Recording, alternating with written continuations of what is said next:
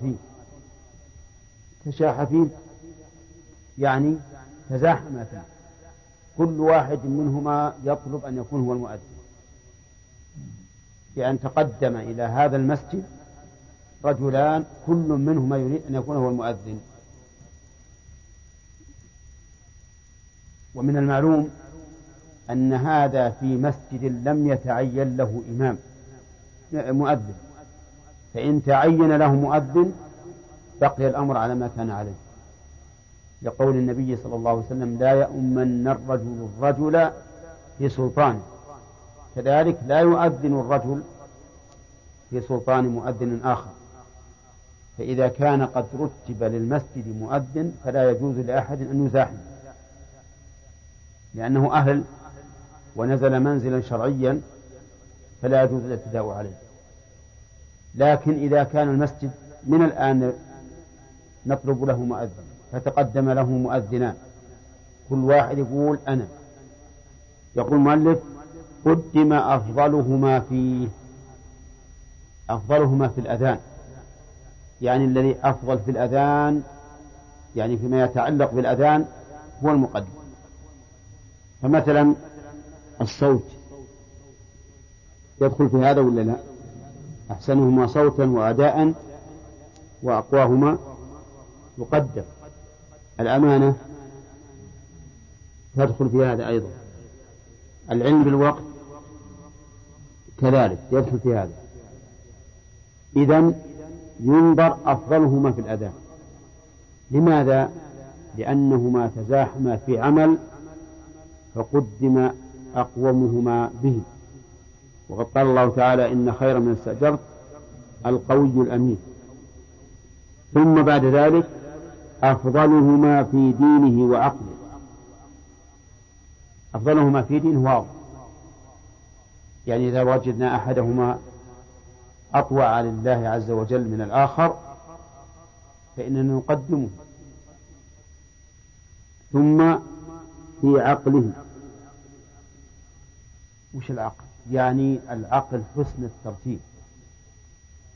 يكون عنده عقل يستطيع أن يرتب نفسه يستطيع أن يمشي مع الناس لأن بعض الناس ما عنده سعة عقل ما يتحمل من الناس أدنى شيء. فإذا كان هذا الرجل عاقلا ونعرف أنه سيصبر على أذى الناس لأن الناس مهما كان الإنسان لا بد أن يحصل على اعتراف وأذى. وإذا كان الإنسان عاقلا صار أشد تحملا. ولم يذكر المؤلف أفضلهما في علمه وهذا أمر لا بد منه. فإننا نقدم أعلمهما. لأن غير العالم قد يجهله بعض بعض الأمور. قد يجهله بعض الأمور. فإذا قال قائل ربما يؤخذ ذلك من قوله أفضلهما فيه بحيث يكون الأعلم في أحكام الأذان داخلا في قوله إيش؟ أفضلهما فيه. فإن تحملت هذه الكلمة الأعلم فهذا هو المطلوب وإن لم تتحمل فإنه يجب أن ننظر إلى علمه. لأن بعض المؤذنين مثلا لو يأتي متأخر فيسأل هل يؤذن أو يقتصر على أذان المساجد الأخرى. إذا كان معه علم نعم عرف كيف يتصرف. وكذلك إذا كان معه عقل يعرف كيف يتصرف. إذا كان أعقل يقول الله الآن مضى نصف ساعة. بعد الأذان لو لو أذنت الآن لشوشت على الناس. وقد حصل الفرض بأذان من حوله. إذا لا أؤذن. يكون هذا عقل. ولهذا قال ثم أفضل ما في عقله في دينه وعقله ثم من يختاره الجيران. من هم الجيران؟ جيران المسجد يعني أهل الحي. يعني لو تقدم الرجلان وجدنا أنهما مستويان في فيما يتعلق بالأذان مستويان في الدين والعقل. نرجع إلى من يختاره الجيران. ولكن إذا قال قائل متى نجد مؤذنا يجمع الجيران على اختياره كما هو ظاهر عبارة المؤلف الجيران. نقول إذا تعذر إجماعهم على اختياره أخذنا بقول بقول الأكثر. أخذنا بقول الأكثر. لأنه قل أن تجد رجلا يجتمع الناس على على اختياره. فنأخذ بقول الأكثر. وظاهر كلام المؤلف أنه لا اعتبار باختيار المسؤول عن شؤون المساجد. لأن الأذان إنما هو لأهل الحي. فهم فهم المسؤولون عن اختيار المؤذن. ولكن في هذا ولكن في هذا نظرا. بل نقول إن من المسؤول عن شؤون المساجد لا بد أن يكون له نوع اختيار يعني هو المسؤول. ولهذا عندما يحصل إخلال من المؤذن إلى من يرجع ها؟ إلى المسؤول عن شؤون المساجد. إذا فلا بد من مراعاة المسؤول عن شؤون المساجد في هذا الاختيار. ثم قال المؤلف ثم قرعة إذا تعادلت جميع الصفات. ولم يحصل ترجيح من الجيران. أو تعادل الترجيح فحينئذ نلجأ إلى القرعة. لأن القرعة يحصل بها تمييز المشتبه وتبيين المجمل. وقد جاءت القرعة في القرآن وفي السنة. ففي القرآن قال الله تعالى وما كنت لديهم إذ يلقون أقلامهم أيهم يكفل مريم وما كنت لديهم إذ يختصمون. وقال الله تعالى وإن يونس لمن المرسلين إذ أبق إلى الفلك مشحون فساهم فكان من المدحضين وأما السنة فوردت في عدة أحاديث منها حديث أنس بن مالك رضي الله عنه قال كان النبي صلى الله عليه وسلم إذا أراد سفرا أقرع بين نسائه فأيتهن خرج سهمها خرج به ولأن القرعة يحصل بها فك الخصومة والنزاع فهي طريق شرعي. ولكن كيف نقرع؟ نقول أي صفة أو أي كيفية أقرأ بها فهي جائزة لأنها ليس لها وصف شرعي أو كيفية شرعية فأي صفة اتفقوا عليها في القرآن أو كيفية فإنها جائزة. ثم قال المؤلف وهو أي الأذان خمس عشرة جملة يرتلها. وهو هو ضمير منفصل مبتدأ وخمس عشرة فيها إشكال. إن نطقنا بها هكذا خمس عشرة. وإن نطقنا بها وهي وهو خمس عشرة لم يكن فيه إشكال. صح؟ ها؟ إذا قلنا وهو خمس عشرة رفعنا المبتدأ ما في إشكال. وإن قلنا وهو خمس عشرة ونصبنا المبتدأ في إشكال الخبر قصر ففي إشكال. إذا ماذا نقول؟ نقول وهو خمس عشر. نسكن؟ ها؟ سكن تسلم طيب. ما هو الصواب؟ الصواب خمسة عشر. الصواب خمسة عشر. واللي توه مبتدئ بالنحو يقول كيف إنكم ترفعون الخبر تنصبون الخبر؟ نقول الجملة الكلمة هذه مركبة مبنية على الفتح. ولهذا لو قال أحد وهو خمس عشرة قلنا هذا خطأ. أما جملة فهي تمييز للعدد لأن العدد فيه إبهام فيميز. خمس عشرة جملة. نشوف. التكبير في أوله أربع الشهادتان أربع كم هذه؟ ثمانية. الحيعلتان أربع اثنى عشر. التكبير في آخره مرتان والتوحيد واحدة هذه خمسة عشر جملة خمسة عشر جملة؟ مهم من من الأذان؟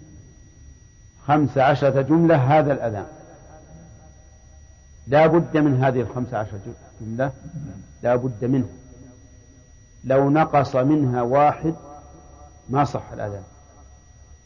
وهذا أول الشروط في الأذان. يشترط أن لا ينقص عن خمس عشرة جملة. هذا هو المشهور من مذهب الإمام أحمد والمسألة فيها خلاف بين أهل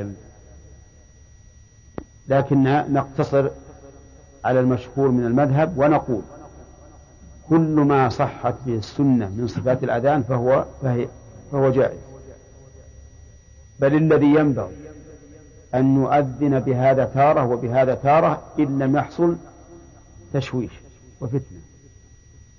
فإذا كنا في نزهة وليس معنا إلا إلا طلبة علم فينبغي أن نؤذن أحيانا بهذا الأذان وأحيانا بأذان أبي محذورة فنرجع في الشهادتين. ونقول أشهد أن لا إله إلا الله أشهد أن لا إله إلا الله أشهد أن محمدا رسول الله أشهد أن محمدا رسول الله. سرا في أنفسنا ثم نقولها جهرا. فيكون على هذا فيكون أذان على هذا تسع عشرة جملة. تسع عشرة جملة إن كان في إن كانت الترفيه في أوله. أما إذا قلنا بأن التكبير في أول مرتين مع الترجيع يكون كم؟ سبع عشرة جملة وعلى هذا المشهور عند الحنابلة. كم؟ خمس عشرة جملة بدون ترجيع. وعند مالك سبع عشرة جملة بالتكبير مرتين في أوله مع الترجيح. وعند الشافعي تسع عشرة جملة بالتكبير في أوله أربعا مع الترجيح. عرفتم؟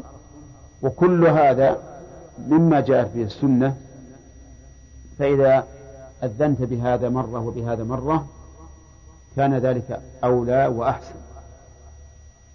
وقد ذكرنا أن العبادات الواردة على وجوه متنوعة ينبغي للإنسان أن يفعلها على هذه الوجوه. وقلنا إن تنويعها فيه ثلاث فوائد. من يذكرها لنا؟ بيان نعم. حفظ السنة بوجوهها. لأنك لو اقتصرت على واحد منها مات الآخر. نعم. الثاني؟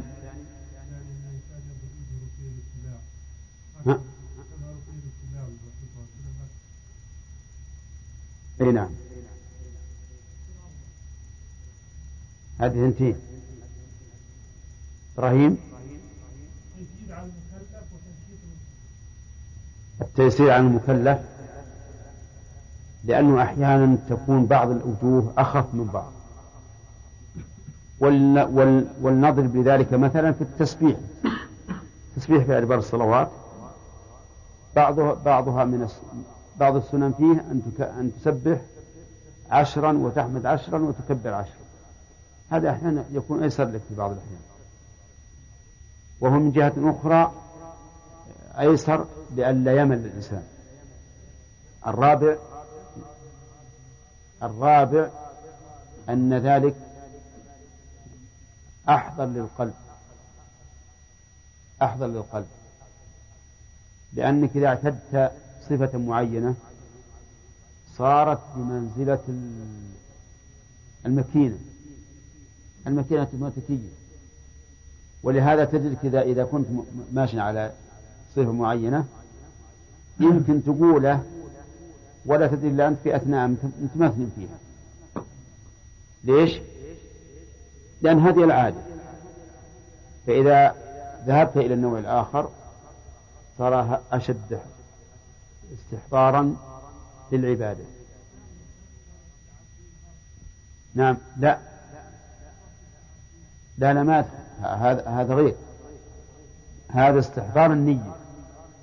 استحضار النية أنك تنوي العبادة. أما لو كانت وتيرة واحدة ما حصلت لك النية. طيب إذا نقول الأفضل في الأذان أن تأتي به على جميع الصفات التي صحت عن النبي صلى الله عليه وسلم بشرط أن لا يحصل بذلك تشويش وفتنة. لأن حصل في هذا تشويش وفتنة فقد ترك النبي صلى الله عليه وسلم بناء الكعبة خوفا من الفتنة. نعم.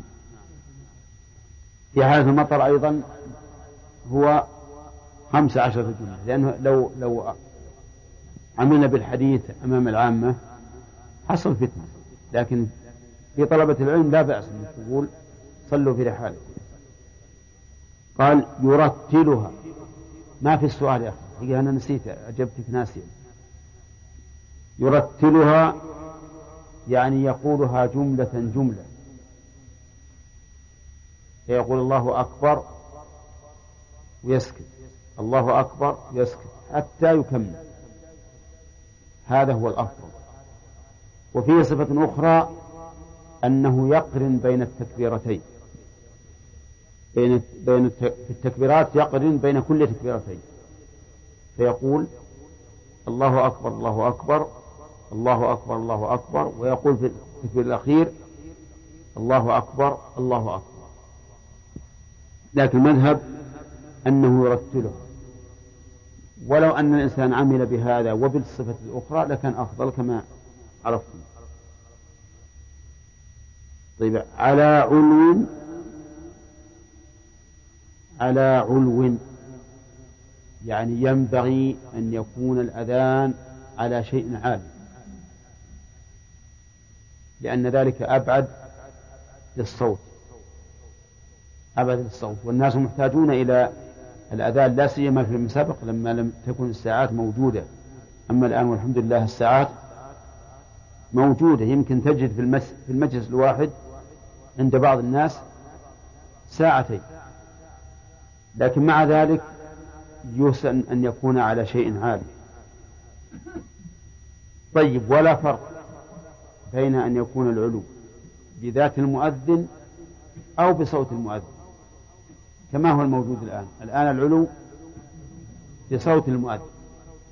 أما بدن المؤذن فإنه في الأرض. ما يصعد.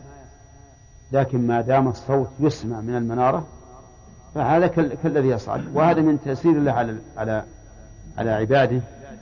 أنه أن لا يتكلفوا ولا يشق عليهم. لا سيما في أيام الشتاء وأيام الأمطار. يقول متطهرا. متطهرا من الحدث. وهذا سنة ولا سنة؟ يكون متطهرا من الحدث الأصغر والأكبر. ولكن قال الفقهاء رحمهم الله إنه يكره أذان الجنوب. دون أذان المحدث حدثا أصغر. فالمراتب إذن ثلاثة. ثلاث الأكمل الطهارة من الحدثين. والجائز نعم الطهارة نعم الجائز الحدث الأصغر. والمكروه الحدث الأكبر. هذا إذا لم تكن المنارة في المسجد. فإن كانت في المسجد فإنه لا يجوز الأذان في المسجد إلا بوضوء إلا بوضوء. قال مستقبل القبلة. مستقبل القبلة لأن هذا هو الذي ورد. ولأن هذه عبادة والأفضل في العبادة أن يكون الإنسان فيها مستقبل القبلة ما لم يرد خلافه. ولهذا لما ذكر الفقهاء رحمهم الله أنه يسن أن يتوضأ وهو مستقبل القبلة.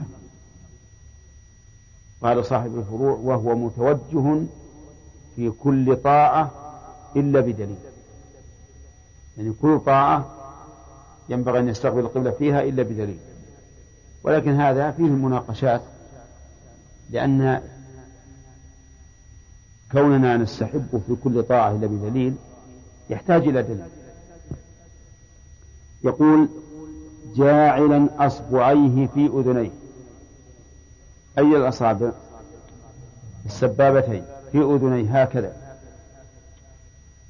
لماذا؟ قالوا لأن في ذلك فائدتين. الفائدة الأولى أنه أقوى للصوت. الفائدة الثانية ليراه من كان بعيدا فيعرف أنه يؤذن أو ليراه من لا يسمع فيعرف أنه يؤذن. التعليل الأول لا يزال موجودا حتى الآن. والتعليل الثاني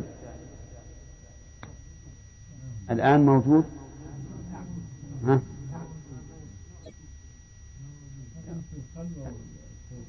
أي طيب.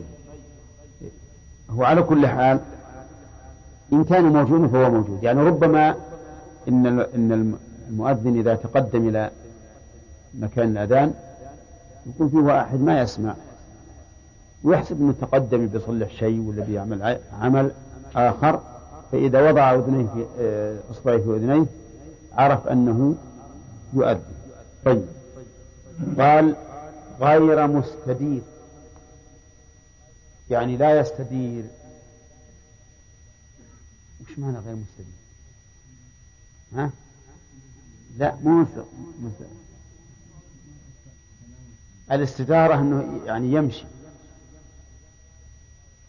يمشي. وقال بعض الفقهاء إنه إذا كان في منارة فإنه يستدين المنارة ما بجنس المنارة المنارة يكون لها طوق مثل الأخيرات الأخيرات. هذه يقول إذا أذن يستدين. ليش؟ علشان يسمع الناس من كل جهة. يسمع ناس من كل جهة.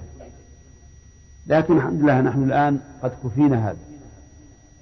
وجعل في كل جهة سماعة وتكفي عن عن الاستدامة. وأنتم فيه.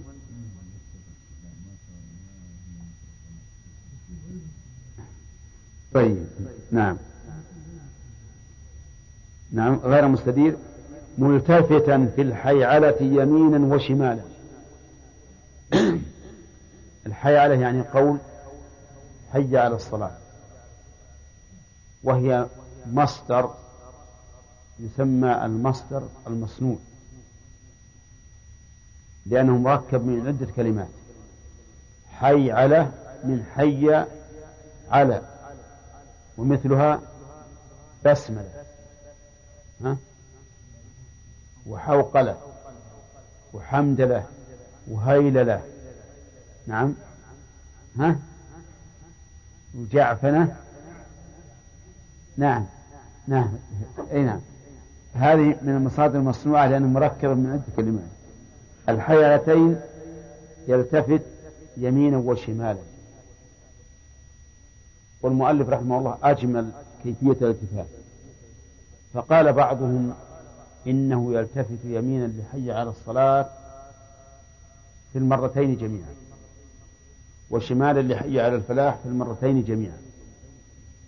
وقال بعضهم يلتفت يمينا لحي على الصلاة المرة الأولى وشمالا المرة الثانية وحي على الفلاح يمينا للمرة الأولى وشمالا للمرة الثانية ليعطي كل جهة حظها من حي على الصلاة ومن حي على الفلاح ومن حي على الفلاح. ولكن المشهور وهو ظاهر السنة أنه يلتفت يمينا لحي على الصلاة في المرتين جميعا. وشمالا لحي على الفلاح في المرتين جميعا. ولكن يلتفت في كل الجملة. أما ما يفعله بعض المؤذنين يقول حي على ثم يلتفت الصلاة. حي على ثم يلتفت الفلاح فهذا تصرف لا أصل له. لا في السنة ولا في كلام العلماء. بل يقول حي على الصلاة كلها يمين. ومثل أيضا الالتفات في الصلاة عند التسليم يلتفت في كل التسليم على اليمين وفي وعلى اليسار. يقول دقيقة. قا... نعم. قائلا بعدهما أو نخليه بعد. نعم.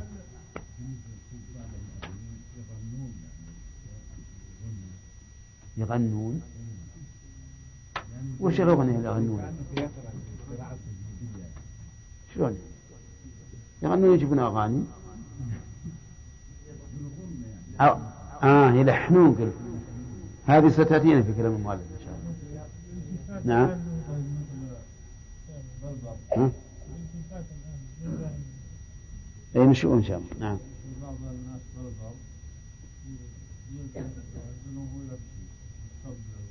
إيه؟ الفقهاء يكرهون هذا. يقول يكره أنه يؤذن وهو يمشي أو يقيم وهو يمشي لكن ما ما في دليل. نعم.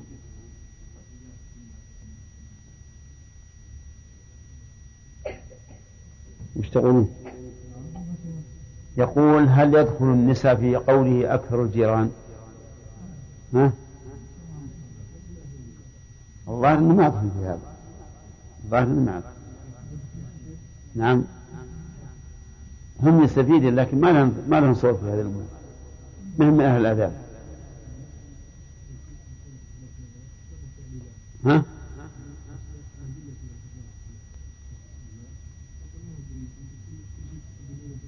نعم صحيح. لأن الأذان الأذان عبادة معينة مثل التشهد الآن. لو قال لك مثلا التشهد ليش مكتب هذا الترتيب؟ أو يبدأ فيه بكذا و... ما ينفع إلا تعليم. الأذان عبادة خالصة. يعني جاءت بالشرع في الشرع على هذا الوجه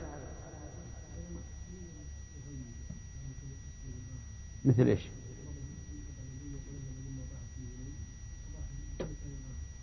شلون؟ يضع بعيونه.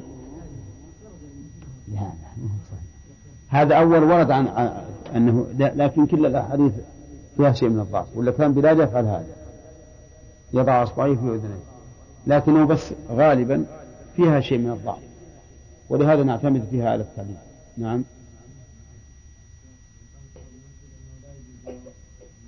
يعني في الجنوب. الجنوب إلا متوضئ. إن الجنوب يحرم إلا متوضئ.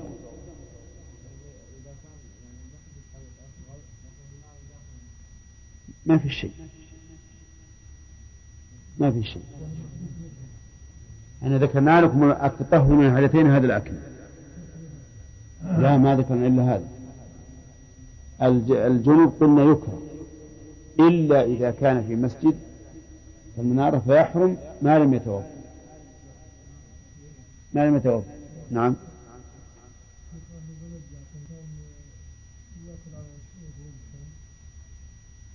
يأكل على غروب الشمس أو الفجر.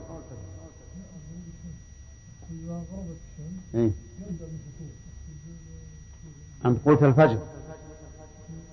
تقول أنهم الفجر يتأخرون ربع ساعة. كذا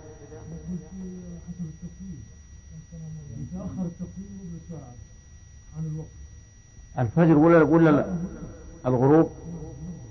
ما علينا منه إذا غربت الشمس أفطر. هذا يعتمدون على كل ثم يأتي جماعة يعتمدون على الشمس أبد إذا غربت الشمس فليأكل سواء أذن ولا ما أذن ما في شيء. ما فيها فتنة. إذا كنت في البيت. إيه؟ لا ما ينبغي أمام الناس أمام الناس لا, لا يفعل. ولا يأكل شيء سر. يأكل شيئا سرا. نعم. لا ما يجوز. ما يجوز لأن الأذان عبادة.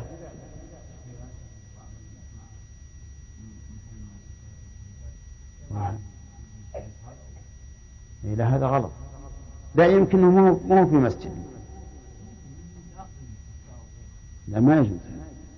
هذا لا يجوز. لو. إن شاء الله لنا عشان نشوف. نعم.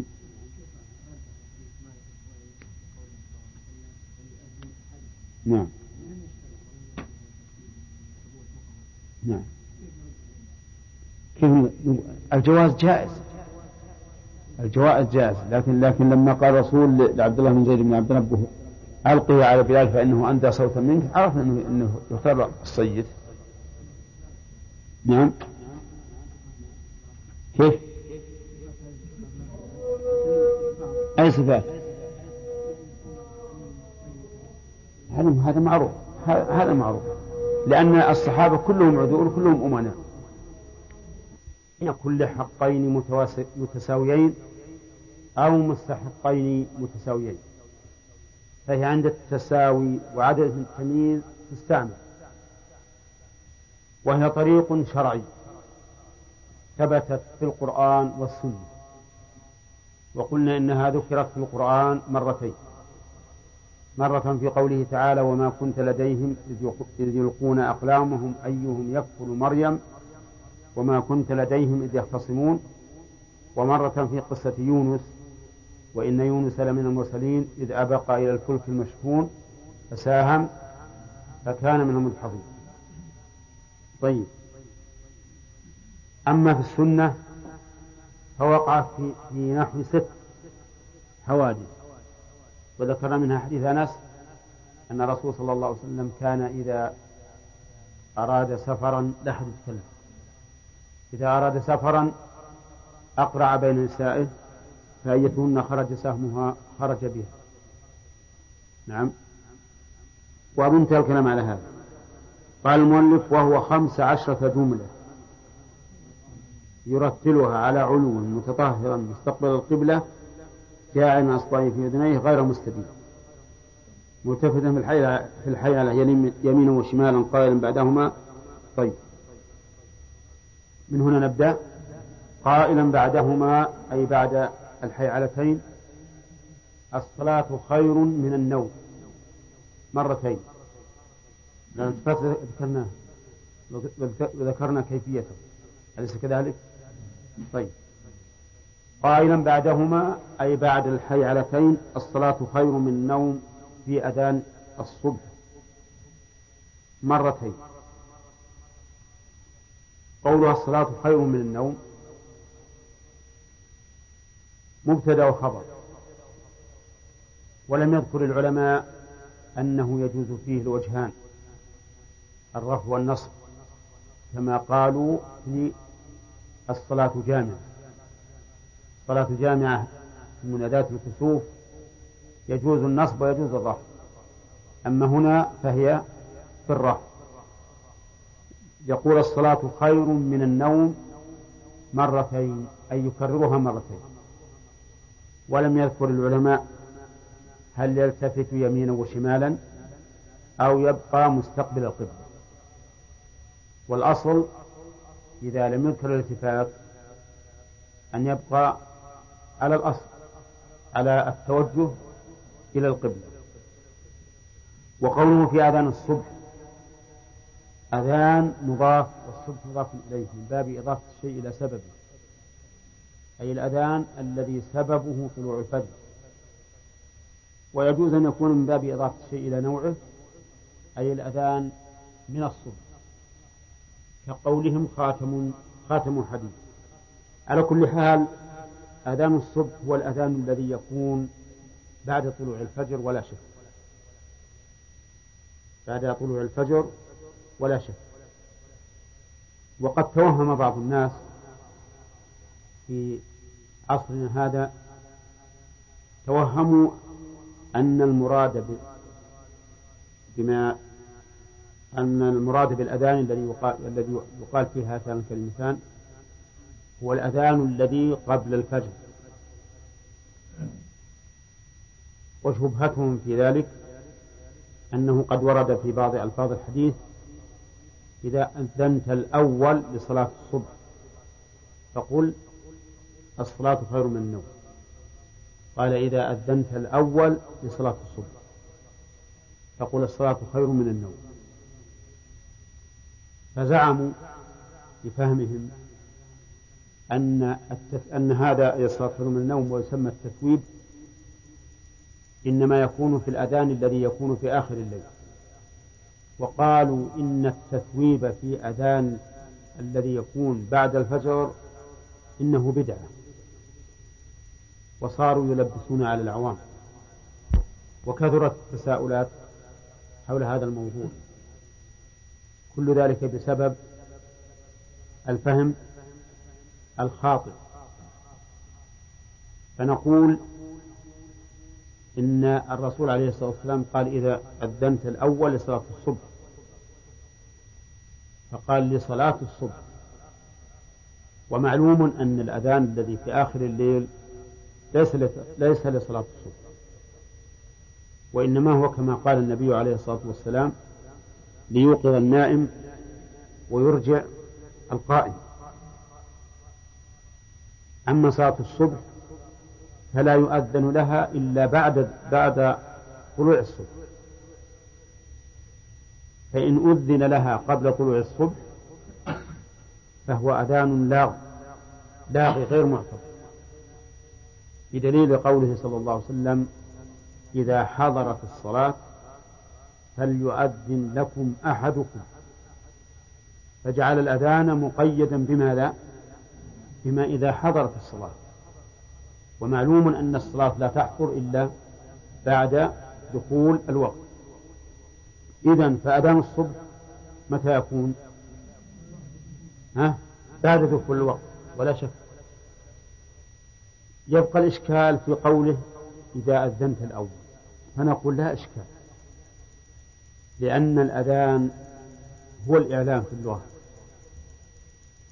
والإقامة إعلام. الإقامة إعلام. ولهذا قال النبي عليه الصلاة والسلام بين كل أذانين صلاة. والمراد بالأذانين الأذان والإقامة. وفي صحيح البخاري قال زاد عثمان الأذان الثالث في صلاة الجمعة. الأذان الثالث. ومعلوم أن الجمعة فيها أذانان وإقامة فسماه أذانا ثالثا وبهذا يزول الإشكال. فيكون التثويب في أذان صلاة الصبح. قال هؤلاء الذين اشتبه عليهم الأمر لأنه قال الصلاة خير من النوم. فدل هذا على أن المراد بالصلاة خير من النوم صلاة التطوع صلاة التهجد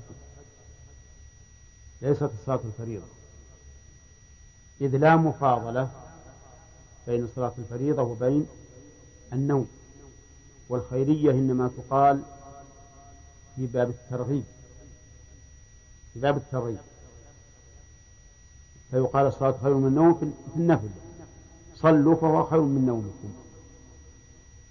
فهذا أيضا يرجح يقولون يرجح أن المراد بالأذان إيش؟ الأذان في آخر الليل. الأذان في آخر الليل. فنقول لهم هذا أيضا يضاف إلى الخطأ الأول. لأن الخيرية قد قد تقال في أوجب الواجبات. كما قال تعالى يا أيها الذين آمنوا هل أدلكم على تجارة تنجيكم من عذاب أليم؟ تؤمنون بالله ورسوله وتجاهدون في سبيل الله بأموالكم وأنفسكم. ذلكم خير. الإيمان بالله ورسوله والجهاد اللي هو ذروة سلام الإسلام قال الله تعالى فيه ذلكم خير لكم أي خير لكم مما يلهيكم من تجارة الدنيا. والخيرية هنا بين واجب وغيره ولا بين مستحب وغيره؟ بين واجب بين واجب لأنه الإيمان بالله ورسوله. وقال تعالى في صلاة الجمعة يا أيها الذين آمنوا إذا نودي للصلاة من يوم الجمعة فاسعوا إلى ذكر الله وذروا البيع. ذلكم خير لكم. خير لكم من من البيع. فاسعوا إلى ذكر الله وذروا البيع. ذلكم خير لكم من البيع. ومعلوم أن الحضور إلى صلاة الجمعة ها واجب. وقال ذلكم خير لكم من البيع. فدل هذا على أن الشبهة الثانية التي عرضت لهم هي مجرد شبهة وليست بحجة. وعلى هذا فالتثويب سنة في أذان الصبح. ولو ثوب في الأذان الذي قبل صلاة الصبح لقلنا هذا غير مشروع. لقلنا هذا غير مشروع. نعم. قال وهي إحدى عشرة وهي الإقامة. إحدى عشرة يحضرها. إحدى عشرة إيش؟ جملة. وحذف المميز أو التمييز لأنه ذكر في الأذان. قال في الأذان وهو خمس عشرة جملة وهنا قال وهي إحدى عشرة يحضرها أي يسرع فيه ما يرتله. فيقول الله أكبر الله أكبر أشهد أن لا إله إلا الله أشهد أن محمد رسول الله بدون ترتيب. كيف كانت إحدى عشرة؟ لأن التكبير في أولها مرتين والتشهد شهادة التوحيد والرسالة مرتين هذه أربع. والحي على مرتين هذه ست. وقد قامت مرتين هذه ثمان. والتكبير مرتين عشرة والتوحيد مرة. هذه إحدى عشر.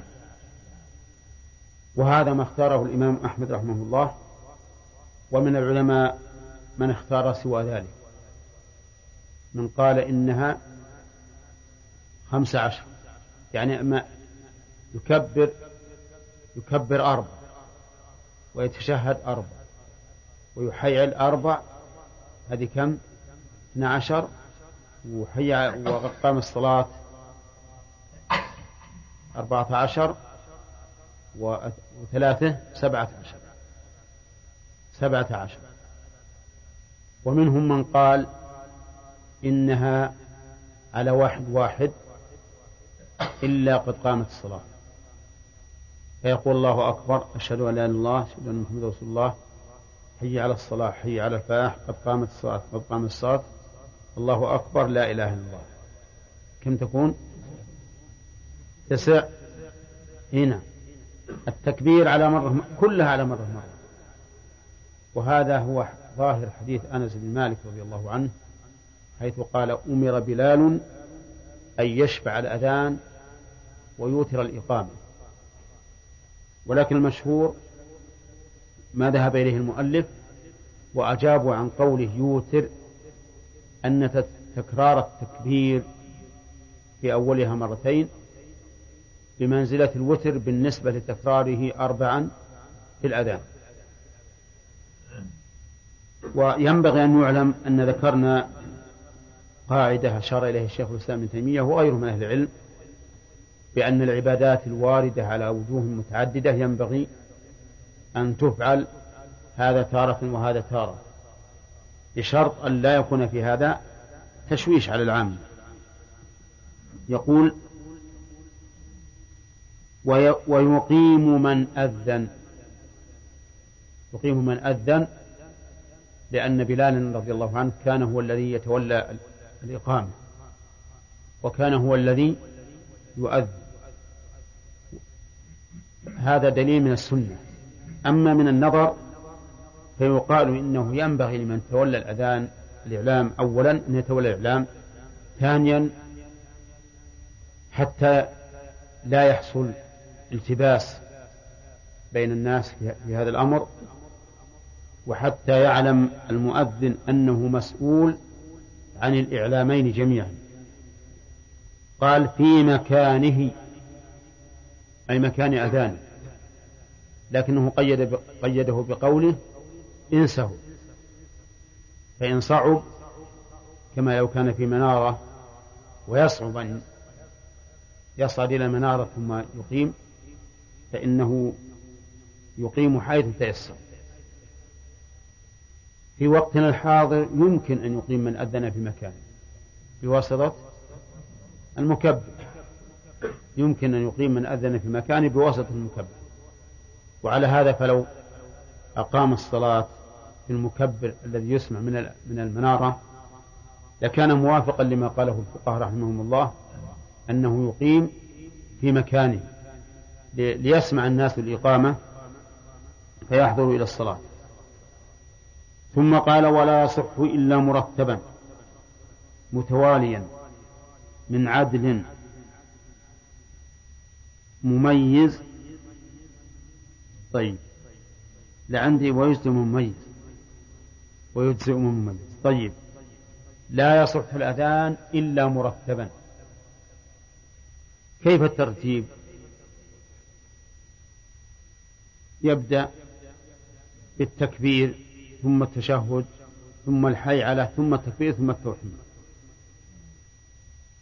فلو نكس وقال أشهد أن لا إله إلا الله نعم ما أجزم وجب أن يكبر ثم يتشهد.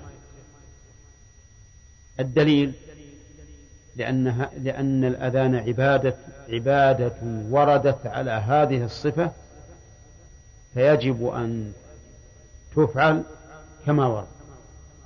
لقول النبي صلى الله عليه وسلم من عمل عملا ليس عليه أمرنا فهو رد.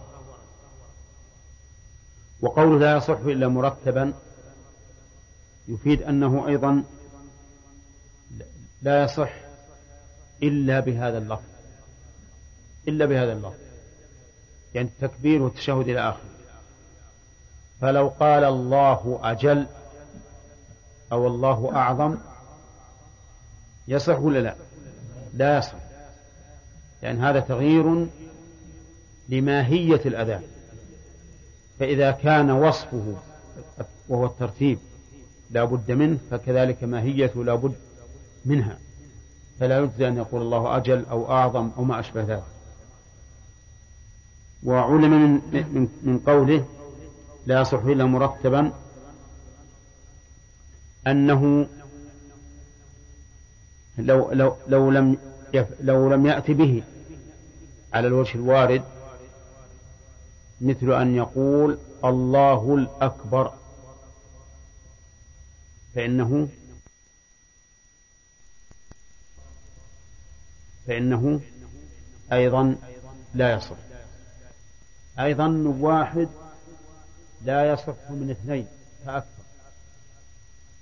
فلو تشاح اثنان في الأذان فقال أحدهما فقال جميعا لك التكبيرات الأولى ولي التشهد ولك الحيعلتان ولي التكبير الأخير والتوحيد.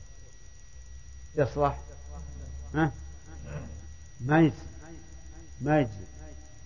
طيب ولو عرض للمؤذن عذر يمنعه من إتمام الأذان فهل يكمل أو يستأنف؟ يستأنف. ظاهر كلام المؤلف أنه يستأنف. لا بد أن يكون من واحد. واستفدنا من قوله عدل أنه لا بد أن يكون مسلما. لا بد أن يكون مسلما. فلو أذن الكافر لم يصح. لأن هذه عبادة ولا تصح إلا من مسلم. طيب ولو أذن المعلن بفسقه كحالق اللحية ومن يشرب الدخان جهرا فإنه لا يصح أذانه على كلام المؤلف طيب لا بد من العدالة. ولو أذن المسجل ها؟ ليس رجلا ولا ولا عدل. ولا لا؟ إذا لا يصح الأذان بالمسجل غير صحيح. لأن الأذان عبادة. بل سبق لنا أنه أفضل من الإمام. فكيف نجي مسجل يسجل الأذان ويقول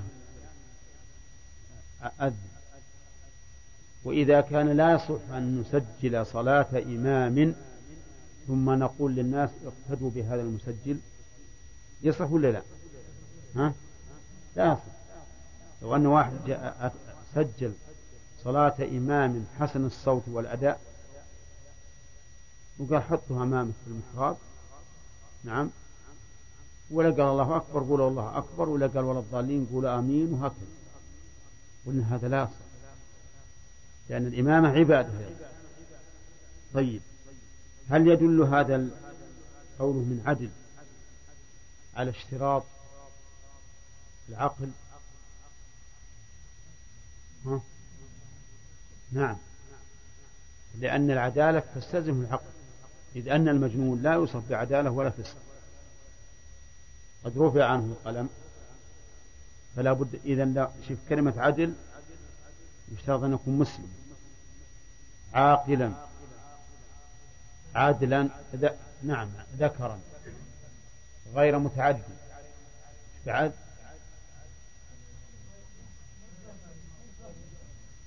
عدل عدل طيب عدل بس. الآن آه، استفدنا أنها لابد أن يكون واحد مسلما. عاقلا. ذكرا. عدلا. خمسة شروط من قوله من عدل. قالوا ولو ملح ولو ملحنا أو ملحونا. ولو ملحن الملحن المطرب به. يعني يؤذن على سبيل التطريب به. كأنما يجر ألفاظ أغنية. فإنه يجزي لكنه يكره. لكنه يكره. وقول أو ملحونا الملحون هو الذي يقع فيه اللحن. يعني مخالفة القواعد العربية. ولكن اللحن ينقسم إلى قسمين. قسم لا يصح معه الأذان وهو الذي يتغير به المعنى وقسم يصح به الأذان مع الكراهة وهو الذي لا يتغير به المعنى. فلننظر. لو قال المؤذن الله أكبر هذا لا يصح لأنه يحيل المعنى. فإن أكبار جمع كبر كأسباب جمع سبب والكبر الطبل الذي يضرب به في اللهو. وهذا يتغير به المعنى تغيرا كبيرا. ولو قال الله أكبر أبدل الهمزة واوا فإن هذا يصح. على لغة يجوز في اللغة العربية إذا وقعت الهمزة مفتوحة بعد ضم أن تقلب واوا فتقول الله أكبر هذا لا يتغير به المعنى. كذا. ولو قال أشهد أن محمد رسول الله. نعم. فهو لا شك أنه لحن يحيل المعنى على اللغة المشهورة. اللغة المشهورة لا شك أن أن هذا يحيل المعنى فيها. لأن أشهد أن محمدا رسول الله معنى الآن الاسم وصفة الاسم والخبر لم يأتي بعد. أشهد أن محمد رسول الله وش ما بعد الخبر. لكن فيه لغة قليلة لكنها لغة عربية من قال عمر بن أبي ربيعة مشهور من من من من العرب العربة قال فيها إن حراسنا أسد قال ولتكن خطاك خفافا إن حراسنا أسد نعم. قال إن حراسنا أسدا حراس اسم إن. وأسدا خبر إن. وهي منصوبة. وهي منصوبة. فإذا كان قد ورد في اللغة العربية أن خبر إن يكون منصوبا ولا ريب أن المؤذنين الذين يقولون أشهد أن محمدا رسول الله لا ريب أنهم يريدون أن الرسول خبر لا صفة ولا يترقبون أن يأتي الخبر. فإننا نقول الحمد لله أن اللغة العربية احتملت هذا اللحن من هؤلاء المؤذنين. على أن بعض المؤذنين الذين يلحنون ينصبون الرسول مهما علمتهم فإنهم سيستمرون. أخذت عليها ألسنتهم حتى لا يستطيعون أن يقولوا رسول الله أبدا. تعلموا تقول قل أشهد أن محمد رسول الله. يقول أشهد أن محمد رسول الله. نقول الآن أصبت. قم الذن إلى أذن؟ قال أشهد أن محمد رسول الله. لو نفوك معلم لأن لسانه أخذ, أخذ عليه طيب. ولو قال ها؟ لا ما الجر ما يتغير به المعنى. ولو قال حيا على الصلاة على الصلاة. يجوز ولا لا؟ لا هو يفيد المعنى لكن ألحق ألف. ألحق ألف بالياء. فهو لا شك إن كان على لغة من يلحق العلامات اسم الفعل فهو جعل الآن المنادى كم؟ اثنين جعلهم اثنين.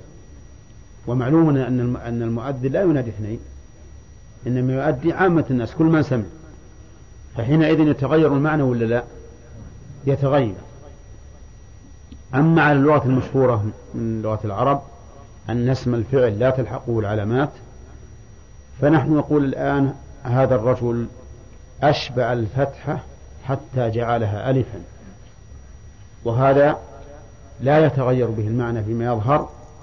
فإذا قال حيا على الصلاة كما نسمع في بعض المؤذنين فإن ذلك لا يتغير به المعنى وحينئذ يكون الأذان يكون الأذان صحيح. لأنه لا لأنه لحن لحنا لا يتغير به المعنى.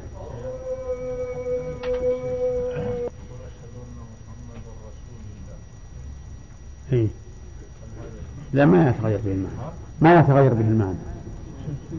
نعم. ها؟ إيه لكن بس ما يتغير به المعنى. لأن اللحن لو ما فيه لغة. ما دام ما يتغير به المعنى ما يتغير. تكلمنا في الدرس السابق الالتفات في الحياة. نعم. الآن كان أول يأذنوا في في المأذن الآن يأذن في المكتب هل لها داعي؟ الالتفات؟ ما لها داعي لكن لو قال إن الانسان لو قيل إن الإنسان يفعلها إبقاء على السنة لأن أخشى يوم من الأيام ما يجي ما, ما تبقى الميكروفونات هذه فيظن الظان أنه لا يسن الالتفات فلو أبقاها لكان أحسن. احياء للسنه مع بعض اذا كان مكان بعيد يسمع الاخرين هذا القول ما قال أحد من أهل العلم. شلون؟ انه يجوز انه مع بعض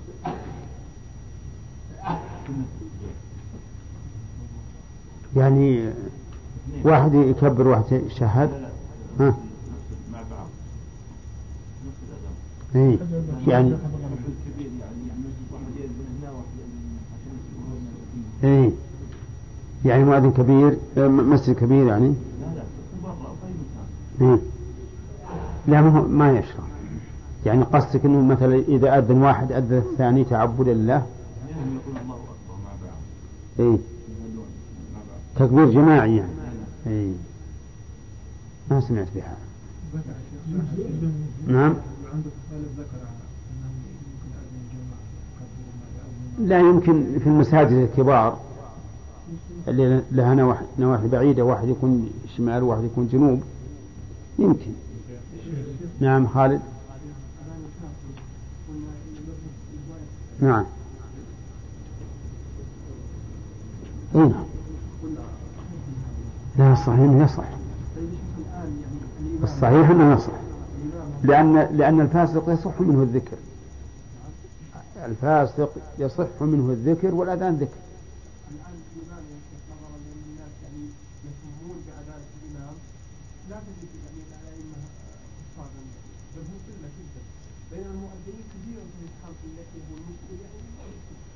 الله المستعان نعم. هل يجوز شيخ متابعة المؤذن في الرأي أو في في الرأي أو في الراديو يعني متابعته يعني سيأتينا إن شاء الله. علي؟ إيه. الفقهاء قالوا يكره. يكره فقط نعم. نعم. واحد أكل بصل أو ثوم هل يأذن في المسجد لا. لكن في خارج المسجد ما في مانع. ها؟ شرب الدخان أشد من البصل هو شارب الدخان إذا كان له رائحة كريهة يقول لا يدخل المسجد. لأن العلة واحدة العلة وهو أن الملائكة تتأذى مما يتأذى منه الإنسان موجودة في في شرب الدخان لكن بس لكن أنا سمعت إن, الدخان يختلف. بعضه ما له رائحة كريهة. وبعضه صحيح مؤذي. ها؟ يمكن ما سلم على اللي يدخنون شلون؟ إذا وقفت الصف مع ناس اللي يدخنون قال الله أكبر يعني يمكن تكره بذلك لأن الريحة يدخل أكثر من ريحة عجيب. نعم. إيه بعض الناس يقول ما يتقدم يقول هل اولى يعلن يتركها والله ما أرى فيها شيء إعلان الإقامة الميكروفون ما فيه شيء لأنه قالوا لبعض الناس أن يترتب عليه أن يقول العيان يقوم يصلي يقول ما بعد إقام نعم. يقول أبى أصبر لين يقيم. لكن ما دام ورد إذا سمعتم الإقامة فامشوا إلى الصلاة. هذا يدل على أن الإقامة تسمع. وكان بلال يقول لرسول لا تسبقني بآمين. مما يدل على أنه ما ما يقيم قريبا. نعم الرحمن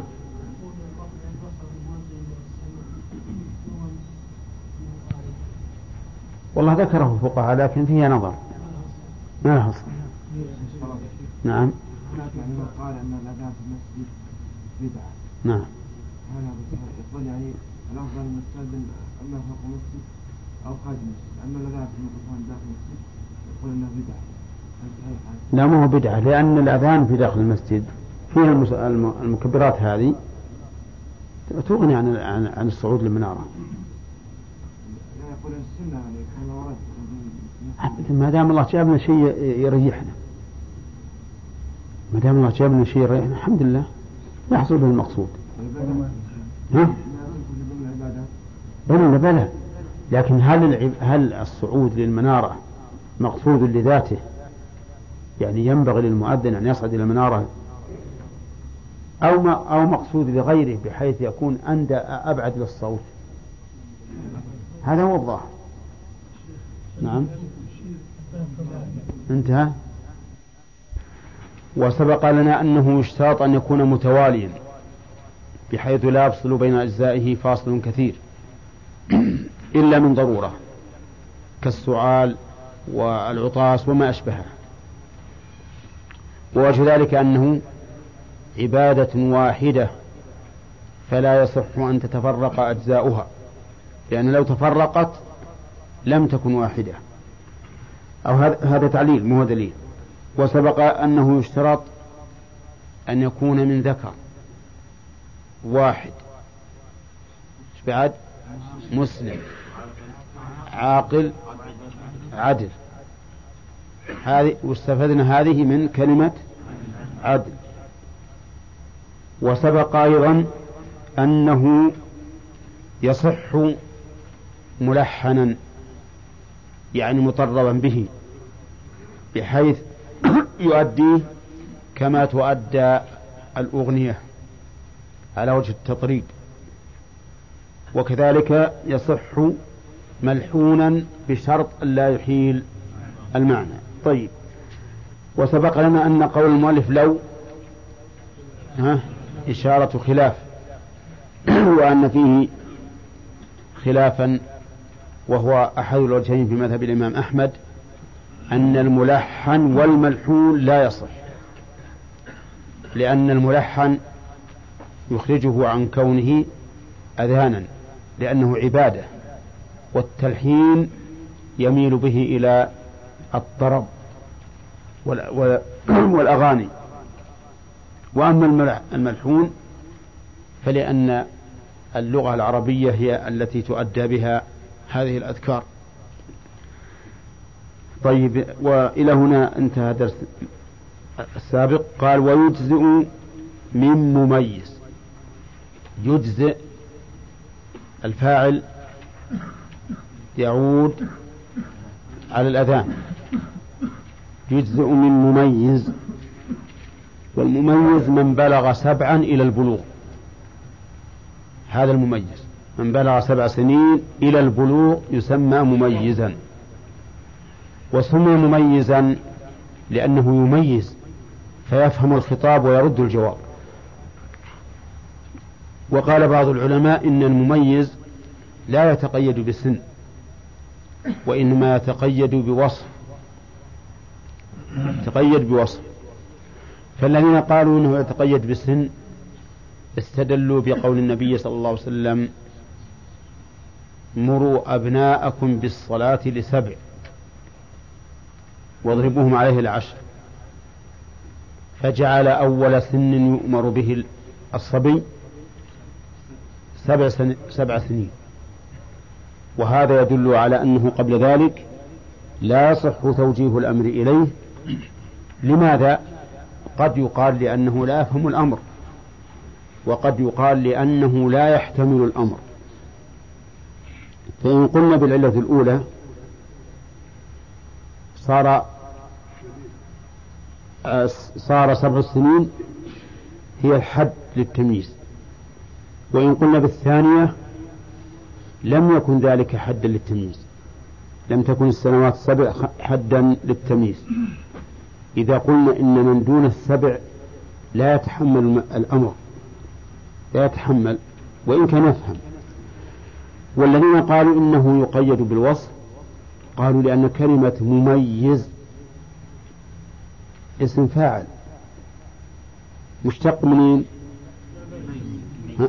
من الميز أو من التمييز.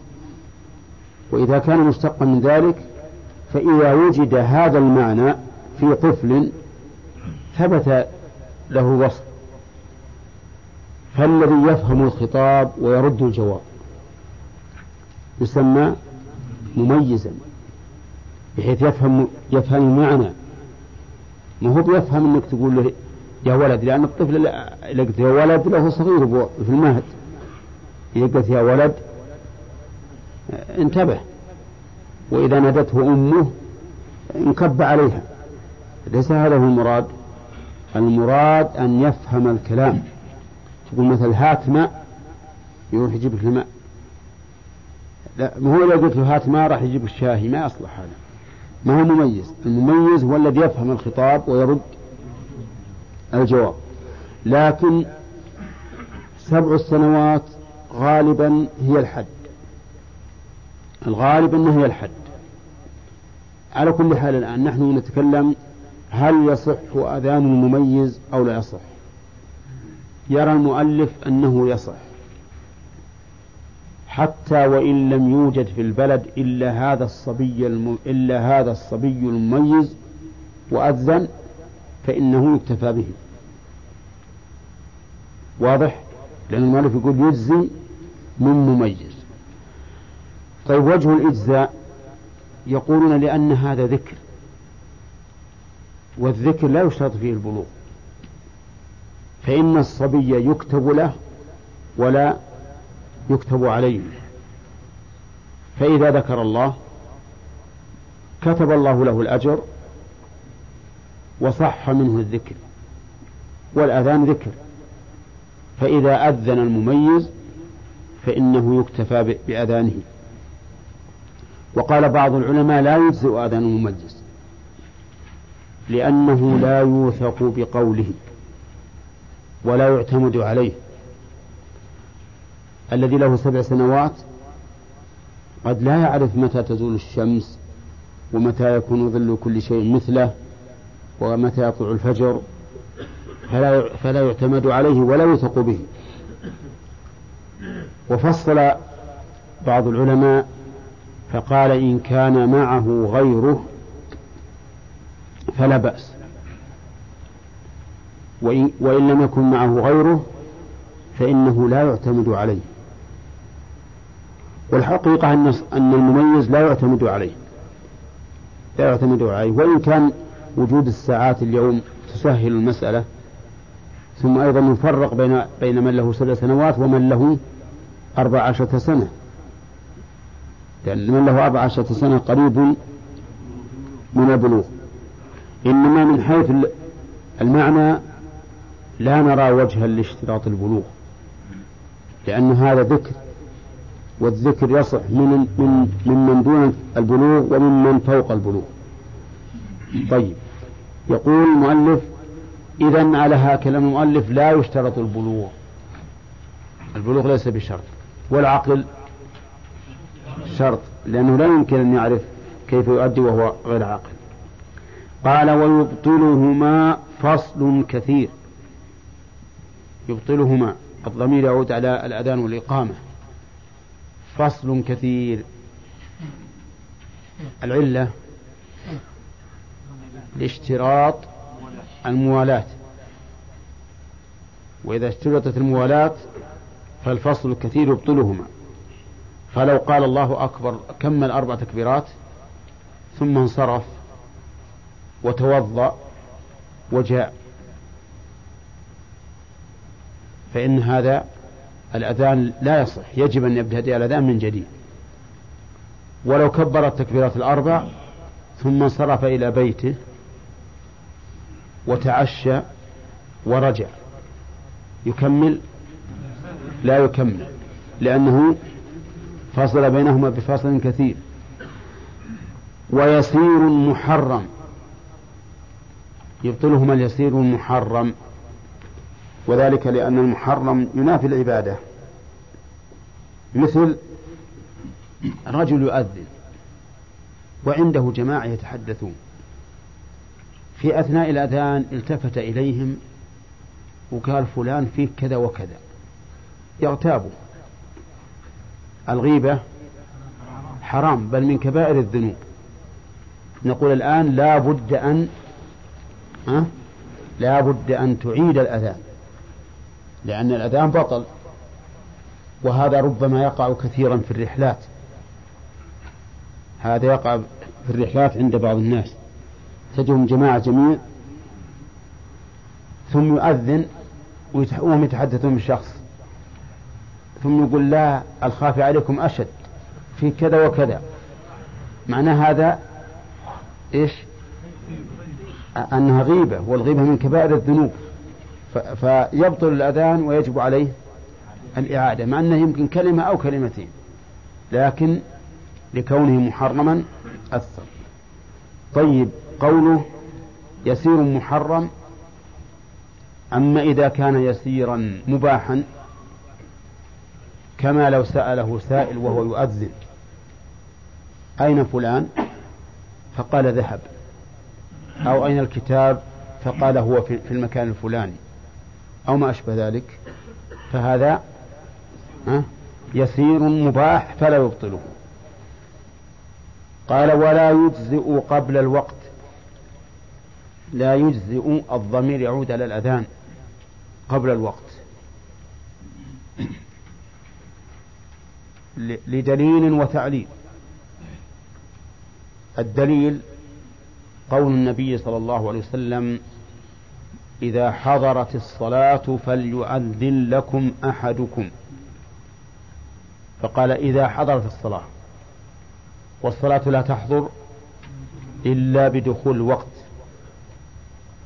وأيضا قد يستفاد من قوله إذا حضرت أن المراد حضورها وحضور فعلها. ولهذا لما أراد بلال أن يؤذن وكان مع النبي صلى الله عليه وسلم في سفر في شدة الحر. فزالت الشمس فقام ليؤذن قال أبرد. ثم انتظر ثم قام ليؤذن قال أبرد. حتى رأوا فيء التلول. بل حتى ساوى التل فيئه يعني قريب العصر. ثم أمره بالأذان. فهذا يدل أيضا على أنه على أن الأذان ينبغي أن يكون عند إرادة فعل الصلاة. ويترتب ينبني على ذلك لو كانوا جماعة في سفر أو في نزهة وأرادوا صلاة العشاء وأحبوا أن يؤخروها إلى الوقت الأفضل وهو آخر الوقت متى يؤذنون؟ عندما يريدون فعل الصلاة لا عند دخول وقت العشاء. طيب إذا هذا الدليل إذا حضرت الصلاة. التعليل لأن الأذان إعلام بماذا؟ بدخول وقت الصلاة. والإعلام بدخول الشيء لا يكون إلا بعد دخوله. وعلى هذا فلو أذن قبل الوقت جاهلا. قلنا له إذا دخل الوقت فأعد الأذان. وهذا يقع أحيانا فيما إذا اغتر الإنسان أو غرته ساعته. نظر إلى الساعة فظن أنها مثلا الثانية عشرة الظهر وهي الحادية عشرة فأذن.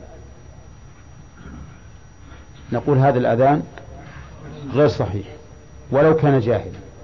إذا جاء الوقت فلا بد أن أن تؤذن. طيب.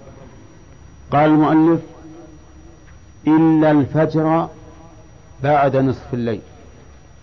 إلا الفجر. استثنى المؤلف الفجر وذكر متى يصح. قال بعد نصف الليل. فيصح الأذان له وإن لم يؤذن في الوقت. وعلى هذا فلو أن فلو أن المؤذنين أذنوا في الساعة الثانية عشرة.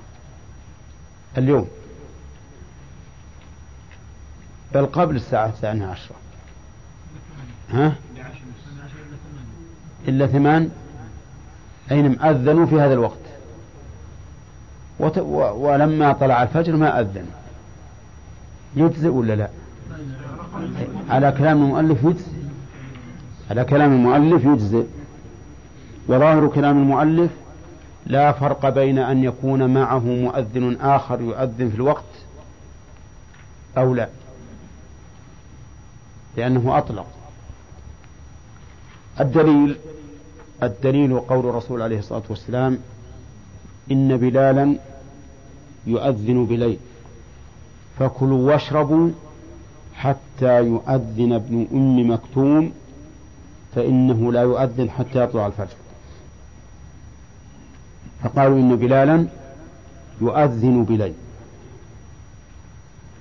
ولكن هذا الدليل ليس له لا يصح به لا يصح به الاستدلال. الدليل صحيح ولكن الاستدلال غير صحيح. أولا لأن الرسول عليه الصلاة والسلام صرح في الحديث بأن هناك من يؤذن إذا طلع الفجر فتحصل به الكفاية من هو؟ ابن أم مكتوم. ومعلوم أن أنه إذا كان فيه من يؤذن لصلاة الفجر حصلت به الكفاية. ثانيا أنه قد بين في الحديث كما أخرجه جماعة أن بلالا يؤذن ليوقظ النائم ويرجع القائم. إذا فليس أذانه. لصلاة الصبح. ولكن أذانه من أجل أن يوقظ النائم ليتسحر. ويرجع القائم من أجل أن يتسحر أيضا. يدع القيام ويتسحر. هذا هو الحكمة من أذان بلال. وليست الحكمة أنه يؤذن لصلاة الفجر. ولهذا لا يقال فيه الصلاة خير من النوم لأن ما بعد حان وقت الصلاة. وقول المؤلف يصح بعد نصف الليل. أيضا هذا فيه مناقشة. حديث بلال الذي استدلوا به هل يدل على أن الأذان بعد نصف الليل؟ لا بل يدل على أن الأذان قريب من الفجر. قريب من الفجر. وجهه أنه قال كلوا واشربوا حتى يؤذن ابن أم مكتوم وقال ليرجع قائمكم ويوقظ نائمكم. وهذا دليل على أنه لم يكن بينهما إلا لم يكن بين أذان بلال والفجر إلا مدة وجيزة بمقدار ما يتسحر الصائم.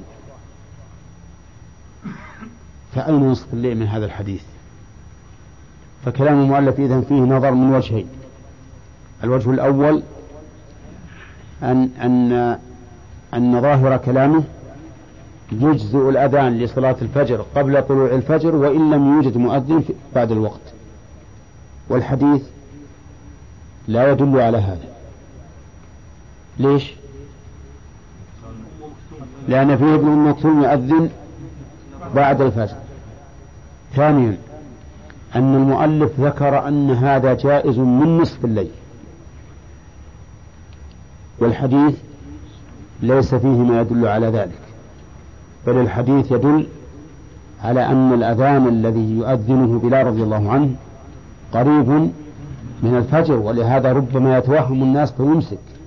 حتى قال لهم الرسول لا لا تمسك حتى يؤذن ابن مكتوم وهذا يدل على أن أذان بلال كان قريبا من طلوع الفجر.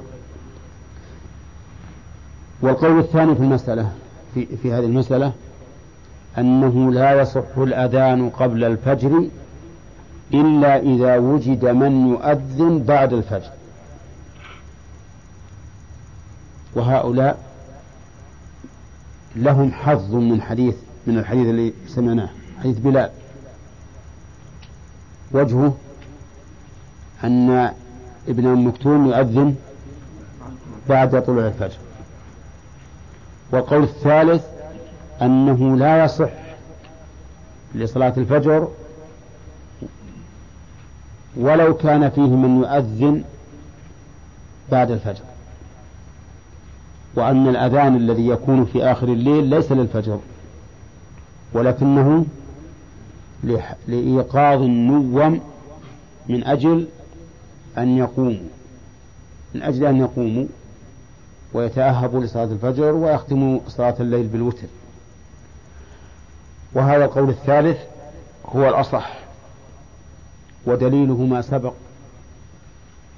إذا حضرت الصلاة فليؤذن لكم أحدكم وهذا عام لا يستثنى منه شيء. ولا يعارض حديث أن بلال يؤذن بليل لأن نقول أن أذان بلال, بلال ليس لصلاة الفجر. إذا ممكن أن ننظر شروط الأذان. الأذان له شروط تتعلق بالأذان نفسه وتتعلق بوقته وتتعلق بالمؤذن تتعلق به وبوقته وبالمؤذن. طيب الذي يتعلق به يشترط فيه أن يكون مرتبا وأن يكون متواليا وأن يكون بعد الوقت وأن لا يكون فيه لحن يحيل المعنى.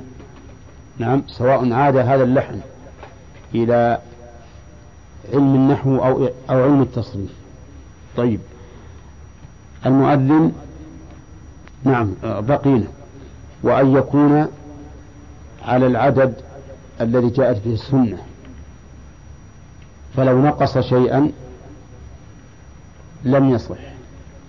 يعني لو قال الله أكبر أشهد أن لا إله إلا الله أشهد أن محمد رسول الله حي على الصلاة حي على الفلاح الله أكبر لا إله إلا الله. يجزئ؟ لا. أما في المؤذن المتوالي. ذكرناه. ها؟ لا. نشوف لابد أن يكون مسلما عاقلا ذكرا واحدا ها؟ عدلا. خمس شروط طيب. نعم. ما حاجة. مميزا؟ لا نقول مميز مميزا. ستة شروط. ستة شروط. أي نعم. أما الوقت فقد ذكرنا ذكرناه في شروط الأذان أن يكون بعد الوقت. فلا يجزئ قبله مطلقا على قول الراجح ويستثنى الفجر على كلام المؤلف. قال ويسن جلوسه بعد أذان مغرب يسيرا. قول يسن جلوسه بعد أذان المغرب يسيرا. هنا أمران يسن جلوسه ويسيرا. ففيه سنتان. السنة الأولى أن يجلس بحيث يفصل بين الأذان والصلاة. والثاني أن يكون الجلوس يسيرا. وإنما قال المؤلف ذلك لأن من العلماء من يرى أن السنة في صلاة المغرب أن تقرن بالأذان يعني من يوم يأذن يقيم. فبين المؤلف أن الأفضل أن يجلس يسيرا. والدليل لذلك الدليل لذلك أن الرسول عليه الصلاة والسلام قال صلوا قبل المغرب. صلوا قبل المغرب. صلوا قبل المغرب. وقال في الثالثة لمن شاء. وهذا يدل على أنه لا بد من فصل بين الأذان ها والإقامة. وثبت في الصحيحين وغيرهما أن الصحابة رضي الله عنهما رضي الله عنهم كانوا إذا أذن المغرب قاموا يصلون. والنبي صلى الله عليه وسلم يراهم فلم ينههم. وهذا إقرار من النبي صلى الله عليه وسلم على هذه الصلاة. فثبتت بالسنة القولية والسنة الإقرارية. والفعلية أيضا إن صح الحديث بها. وعليه فيلزم من الأمر بهذه السنة وإقرارها أن يكون هناك فصل بين الأذان والإقامة. وقول المؤلف يسيرا يعني لا لا يطيل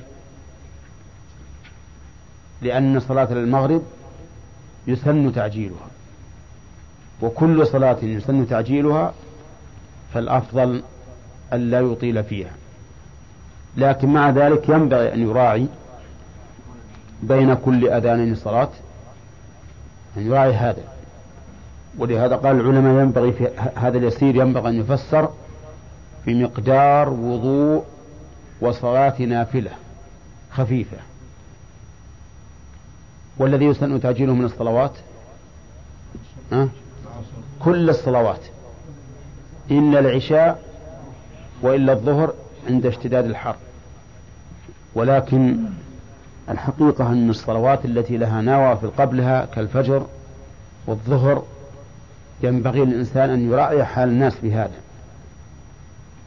بحيث يتمكنون من الوضوء بعد الأذان ومن صلاة هذه الراتبة.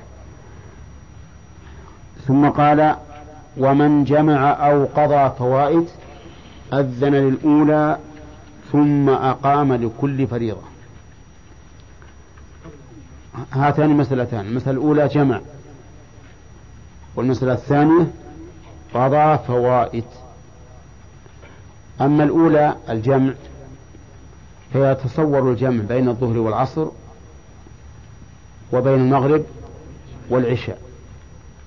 وسيأتي بيانه بيان سبب الجمع وأنه المشقة. فكلما كان يشق على الإنسان أن يصلي كل صلاة في وقتها فإن له أن يجمع. سواء كان في الحضر أم في السفر. فإذا جمع الإنسان أذن للأولى وأقام لكل فريضة. هذا إن لم يكن في البلد. أما إذا كان في البلد فإن أذان البلد يكفي. وحينئذ يقيم لكل فريضة. طيب. دليل ذلك ما ثبت في صحيح مسلم من حديث جابر رضي الله عنه أن النبي صلى الله عليه وسلم في عرفة أذن ثم أقام فصلى الظهر ثم أقام فصلى العصر وكذلك في مزدلفة أقام فصلى المغرب ثم أذن وأقام فصلى المغرب ثم أقام فصلى العشاء وأما التعليل فظاهر. اكتفي بأذان واحد لأن وقت المجموعتين صار وقتا واحدا. ولم يكتف بإقامة واحدة لأن لكل صلاة إقامة.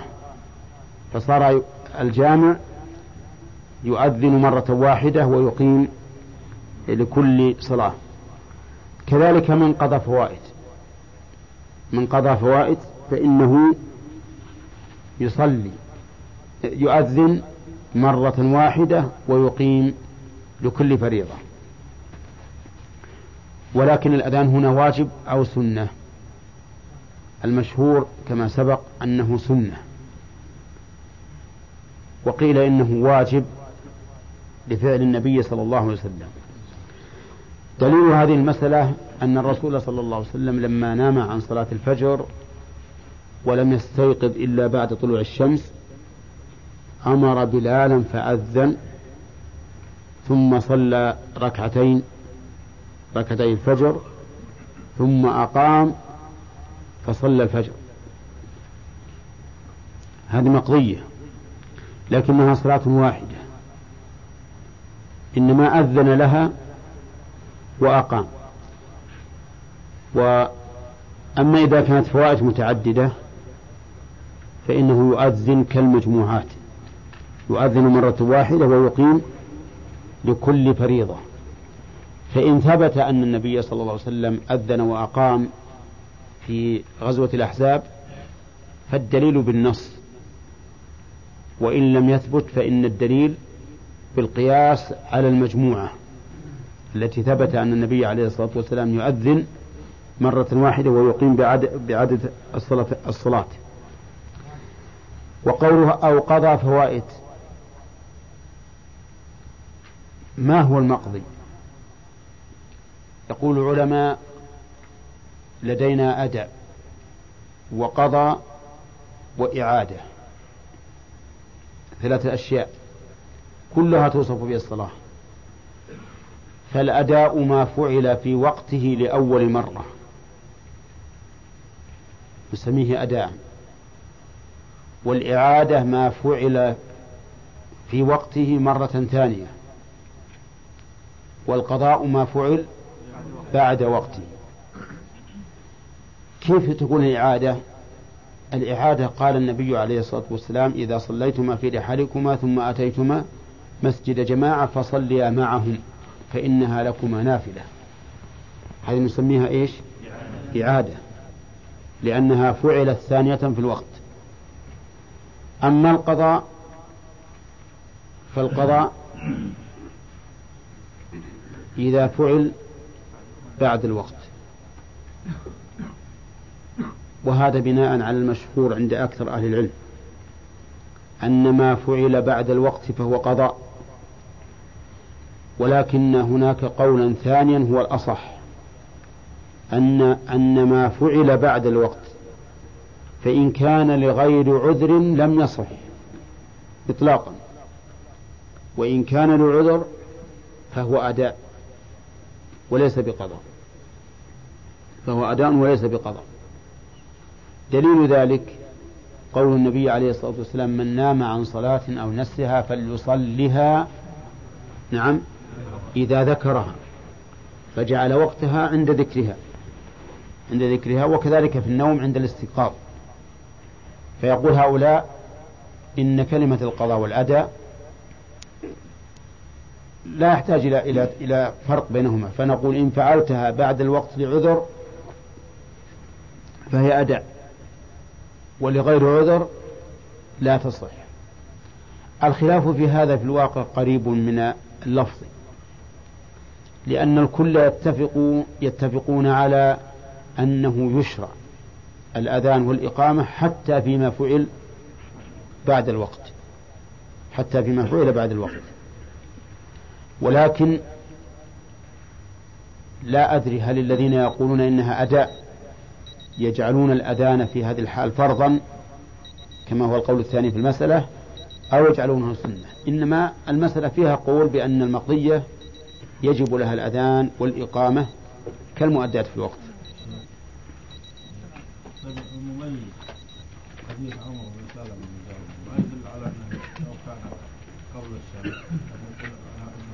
نعم نعم يعني قصدك التمييز إيه القول الصحيح كما سبق لنا أن المميز هو الذي يفهم الخطاب ويرد الجواب ولو دون السبب نعم نعم